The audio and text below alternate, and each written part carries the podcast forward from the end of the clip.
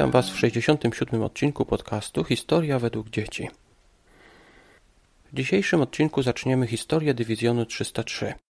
W pewnym sensie zaczęliśmy ją już w poprzednim odcinku, bo w odcinku 66 mówiłem o amerykańskich lotnikach, którzy chcieli okazać wdzięczność. Wdzięczność za pomoc Polaków podczas wojny o niepodległość Stanów Zjednoczonych. Ponieważ w Ameryce walczyli Kościuszko i Pułaski, to ci Amerykanie w Polsce nazwali swoją formację siódmą eskadrą myśliwską imienia Tadeusza Kościuszki. Krótko się mówi o niej jako o eskadrze kościuszkowskiej. Eskadra ta składała się z dwóch grup. Tą, którą dowodził Marian Cooper, nazwano grupą Pułaskiego. Przypomnę może, że jego prapradziadek, czyli pradziadek Mariana Coopera, walczył właśnie u boku Kazimierza Pułaskiego w USA w wojnie o niepodległość, o niepodległość Stanów Zjednoczonych.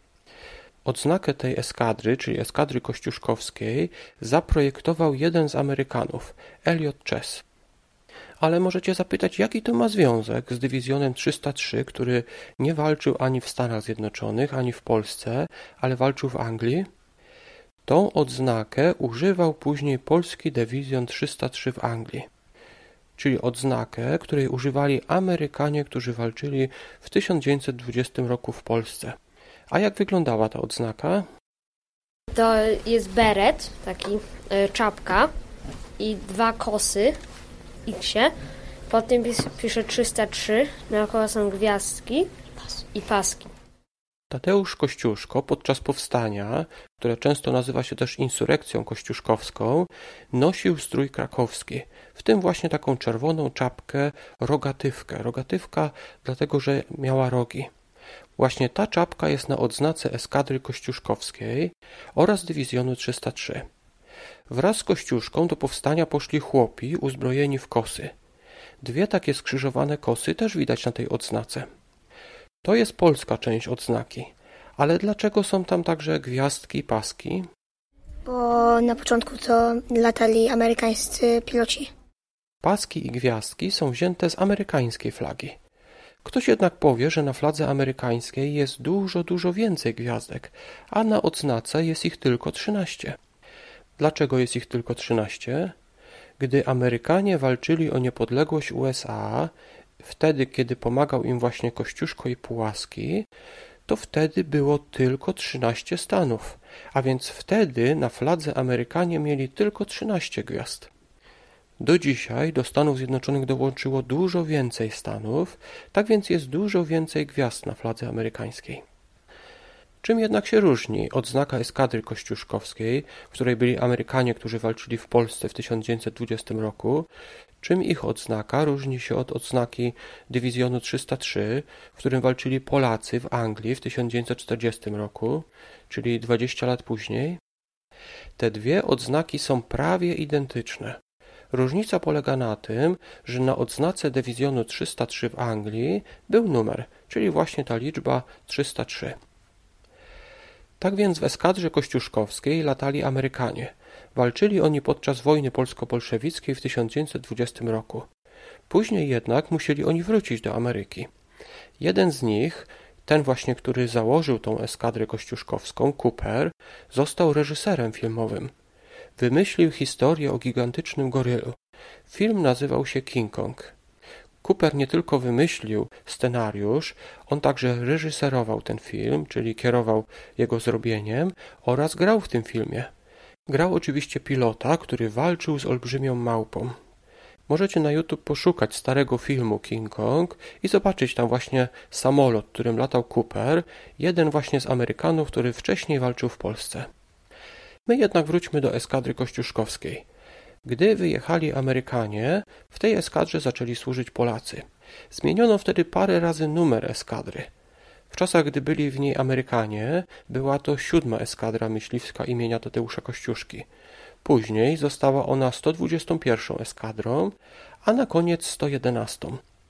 Jedna rzecz się jednak nie zmieniła. Eskadra cały czas miała imię Kościuszki. Tak więc zamiast pamiętać te wszystkie numery, najłatwiej zapamiętać jej skrótową nazwę, czyli Eskadra Kościuszkowska. Co robiła ta eskadra w Polsce? Za czasów, gdy byli w niej Amerykanie, walczyła w wojnie polsko-bolszewickiej w 1920 roku. Później, w 1936 roku, pilnowała granicy rosyjskiej. Doszło wtedy do walki i jeden z pilotów, który później sławił się w bitwie o Anglię, Witold Urbanowicz, zestrzelił rosyjski samolot.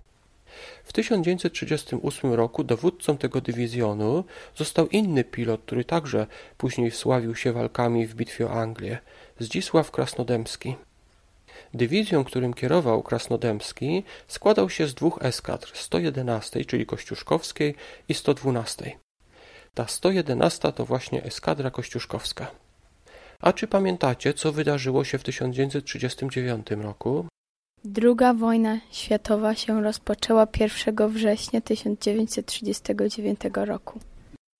1 września 1939 roku rozpoczęła się II wojna światowa. Zdzisław Krasnodębski pożegnał się tego dnia z żoną i poszedł walczyć. Obiecał jej, że niedługo wróci. Nie wiedział jednak, że zobaczy się z nią dopiero po sześciu latach wojny. Z kolei Witold Urbanowicz był wtedy nauczycielem w szkole lotniczej w Dęblinie. Jak pamiętacie, służył w eskadrze kościuszkowskiej zestrzelił nawet rosyjski samolot.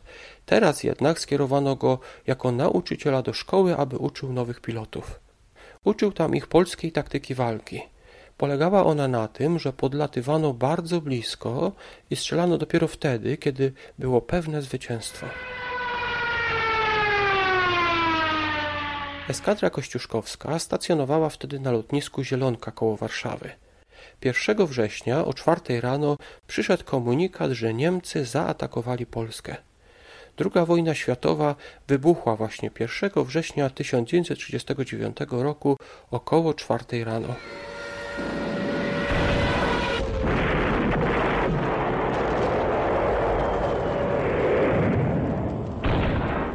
Eskadra kościuszkowska zaraz wbiła się w powietrze, aby bronić Warszawy.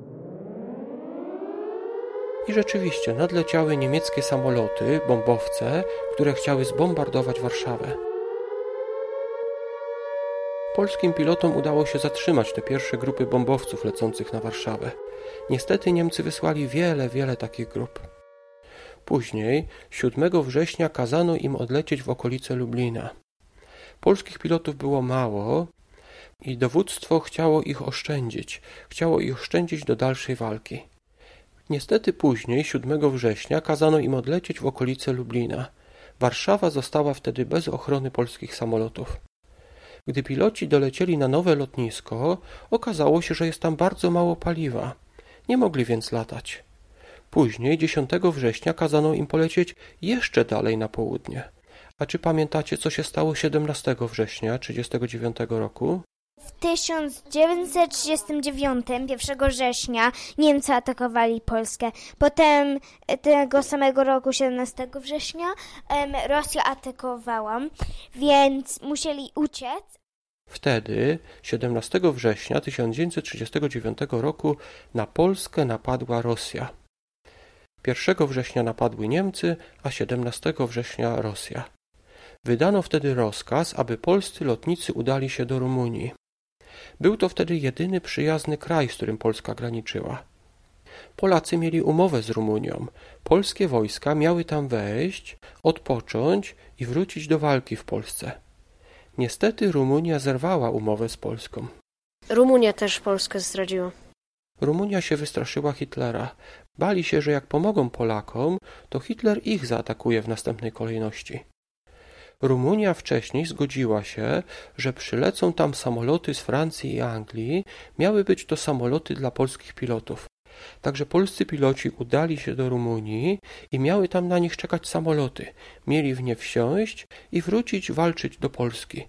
Mieli dostać lepsze samoloty, szybsze, które ułatwiłyby im walkę z bardzo szybkimi niemieckimi samolotami. Niestety Rumunia się wystraszyła i nie pozwoliła na wylądowanie tych samolotów dla polskich lotników. A gdy Polacy znaleźli się w Rumunii, zostali aresztowani. Rumuni osadzili ich w obozach i mieli ich później przekazać Niemcom. W obozie znaleźli się m.in. Witold Urbanowicz oraz Zdzisław Krasnodębski oraz wielu, wielu innych lotników. Urbanowicz, jak pamiętacie, był nauczycielem dla młodych pilotów w szkole lotniczej w Dęblinie, a Krasnodębski był dowódcą dywizjonu. Urbanowicz wraz z tymi młodymi pilotami udał się właśnie do Rumunii. Teraz obaj byli w obozie w Rumunii. Na szczęście Rumuni nie pilnowali zbyt dobrze Polaków. Wszyscy ludzie, czyli wszyscy żołnierze z tego obozu uciekli do portu. To była y, Rumunia, później przez morze, statkiem, Saint Nicolas się nazywał, e, i do Francji, przez morze. Polacy dopłynęli do Francji na statku Saint Nicolaus, co się tłumaczy jako święty Mikołaj. Dopłynęli do Francji pełni nadziei. Gdy 1 września 1939 roku Hitler zaatakował Polskę, to Anglia i Francja wypowiedziały mu wojnę dwa dni później, czyli 3 września. Niestety ani Anglicy, ani Francuzi nie zrobili nic więcej. Dlaczego więc Polacy byli pełni nadziei, gdy przybyli do Francji? Francja miała największą armię. Na początku II wojny światowej Francuzi mieli największą armię na świecie. Gdy polscy piloci i inni polscy żołnierze przybyli do Francji, myśleli, że wspólnie niedługo pokonają Hitlera. Niestety stało się inaczej. 10 maja 1940 roku Hitler uderzył na Belgię, Holandię i Luksemburg, a później także na Francję. Francja em, przegrała em, wojnę, ponieważ skapitulowała, gdy Hitler przejął Paryż. Francuzi szybko uciekli ze swojej stolicy, a zajęli ją Niemcy. Później Francuzi się poddali. Jak myślicie, dlaczego Francuzi, mimo że mieli tak wielką armię, tak szybko się poddali? A Polacy, którzy mieli o wiele mniejszą armię i na przykład słabsze samoloty, walczyli tak długo? Motywacja, brakowało motywacji, moral, mm, ponieważ potrzeba motywacji, żeby walczyć. Jak bez, bez motywacji nie będą chcieli walczyć i się poddali. Francuzom brakowało motywacji. Taką motywację u żołnierzy często nazywa się morale. Francuzi mieli bardzo słabe morale, po prostu nie chcieli walczyć. Francja zdradziła Polaków i no i się czuli, Polacy się po prostu tak się złości, zezłościli na Francuzów, że tacy byli, tak się bali. Polacy pomagali Francuzom, pomagali im w walce przeciwko Niemcom. Na przykład polscy pancerniacy walczyli na ziemi w czołgach, a polscy lotnicy walczyli przeciwko niemieckim lotnikom w powietrzu nad Francją. Ale gdy Francja się poddała, chcieli zrobić z Polakami to samo, co wcześniej Rumuni. Chcieli zamknąć Polaków do obozów, a później przekazać ich Niemcom. Dlatego Polacy szybko uciekli do jedynego kraju w Europie, jedynego, który pozostał i który postanowił dalej walczyć z Hitlerem. Kiedy 10 maja 1940 roku Hitler uderzył na Belgię, Holandię i Luksemburg, tego samego dnia, 10 maja 1940 roku, premierem Wielkiej Brytanii został Winston Churchill. Pod jego przywództwem Anglia postanowiła dalej walczyć. Wtedy w Europie wszystkie kraje albo byli przyjaciółmi Hitlera, albo Hitler je zdobył. Jedynym krajem, który był przeciwko Hitlerowi była Wielka Brytania.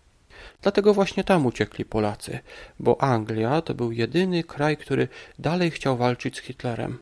A Polacy mieli duże morale, chcieli dalej walczyć. Ale o tym, co się tam stało, czyli o bitwie o Anglię i Polakach, którzy pomagali w tej bitwie, powiemy sobie w następnym odcinku. Będziemy wtedy mówić właśnie o dywizjonie 303. Powiemy też sobie, co się stało dalej z Witoldem Urbanowiczem, czyli tym, który walczył w eskadrze kościuszkowskiej, a później był nauczycielem w szkole w Derblinie, oraz dowódcy dywizjonu, do którego należała eskadra kościuszkowska, czyli Zdzisławie Krasnodębskim. Powiemy sobie, co ci dwaj piloci, a także wielu innych polskich pilotów oraz mechaników robiło w Anglii.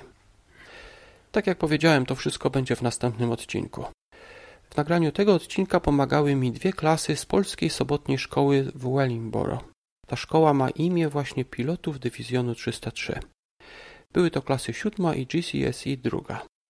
Więcej na temat szkoły oraz tych dwóch klas dowiecie się także z następnego odcinka.